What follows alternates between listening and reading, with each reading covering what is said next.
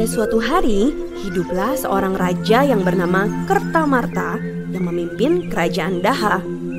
Raja Kertamarta mempunyai dua orang putri yang cantik, Dewi Galuh dan Chandra Kirana. Kehidupan mereka sangat bahagia sampai suatu hari datanglah seorang pangeran tampan dari kerajaan Kahuripan. Pangeran tersebut bernama Raden Inu Kertapati kedatangan pangeran ke kerajaan Daha adalah untuk melamar salah satu putri raja, yaitu Chandra Kirana. Maksud kedatanganku adalah untuk menikahi anakmu. Hal ini disambut baik oleh Raja Kertamarta. Putri Chandra Kirana pun menerima lamaran Pangeran Raden Inu Kertapati. Pertunangan ini membuat Dewi Galuh merasa iri karena ia menaruh hati pada Raden Inu dan merasa dirinya lah yang lebih cocok menjadi pendampingnya. Dewi Galuh mulai merencanakan untuk menyingkirkan Chandra Kirana dari kerajaan. Suatu hari secara diam-diam, Putri Dewi Galuh pergi menemui seorang penyihir jahat. Ia meminta bantuan kepada penyihir untuk menyihir Chandra Kirana menjadi sesuatu yang menjijikan sehingga Pangeran Raden Inu menjauhinya. Ia pun berharap menjadi pengganti Chandra Kirana sebagai tunangan pangeran. Penyihir itu menyetujui permintaan Dewi Galuh. Ia menyihir Chandra Kirana menjadi keong mas dan membuangnya ke sungai. Kutukanmu itu akan hilang jika kamu dapat bertemu dengan tunanganmu, Pangeran Raden ini. Beberapa waktu kemudian, ada seorang nenek yang sedang mencari ikan dengan menggunakan jala.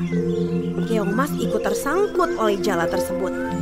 Melihat betapa indahnya keong mas yang ia dapatkan, si nenek langsung membawanya pulang dan disimpannya keong mas itu di tempayan. Cantik sekali keong ini. Nenek tersebut memelihara keong mas dengan baik dan memberinya makan agar tidak mati.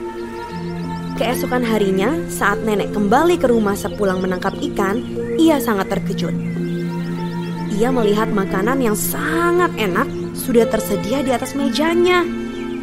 Ia merasa sangat heran dan bertanya-tanya, siapa yang membuat makanan ini? Dari mana datangnya makanan ini? Setiap hari kejadian serupa terus terjadi.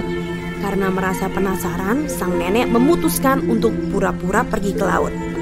Sebenarnya ia ingin tahu dan mengintip siapa yang membuat makanan setiap hari.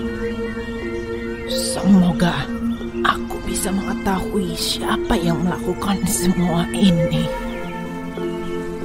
Sangat terkejut ia melihat keong mas yang ia simpan di tempayan berubah menjadi seorang gadis yang cantik jelita.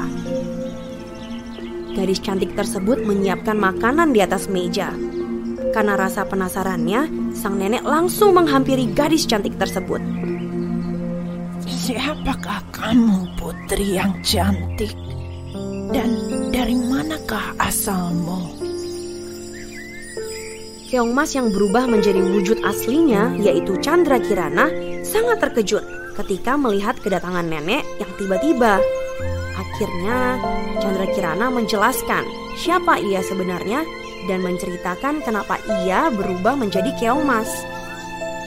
Maafkan aku karena telah membuat nenek bingung.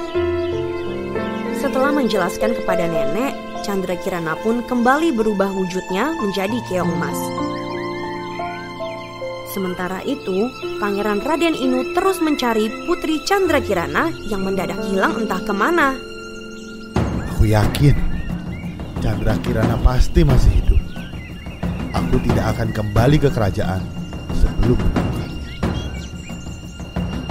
Penyihir jahat yang mengetahui bahwa Raden sedang mencari Chandra Kirana mencari cara agar pangeran tidak dapat menemukannya.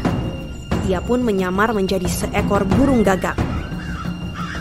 Di tengah perjalanan, Raden Inu dikejutkan oleh burung gagak yang dapat bicara.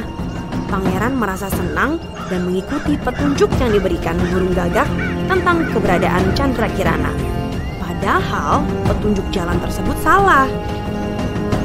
Di tengah perjalanan, ia juga bertemu dengan seorang kakek tua yang sedang kelaparan. Tolong berikan aku makan.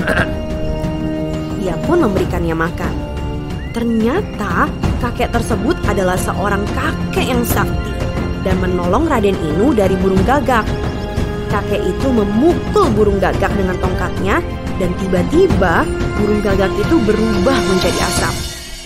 Kakek tersebut kemudian memberikan petunjuk jalan kepada Pangeran Raden Inu Kertapati. Mengarahlah ke desa di depan. Berhari-hari ia menempuh perjalanan.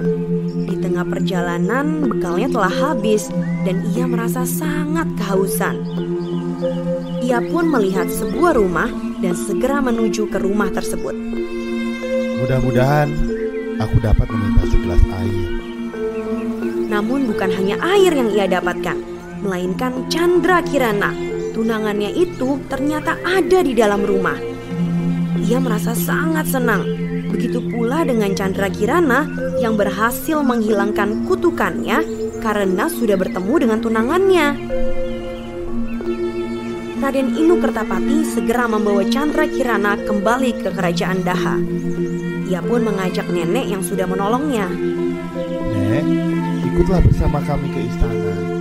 Chandra Kirana menjelaskan perbuatan Dewi Galuh selama ini kepada Baginda Raja.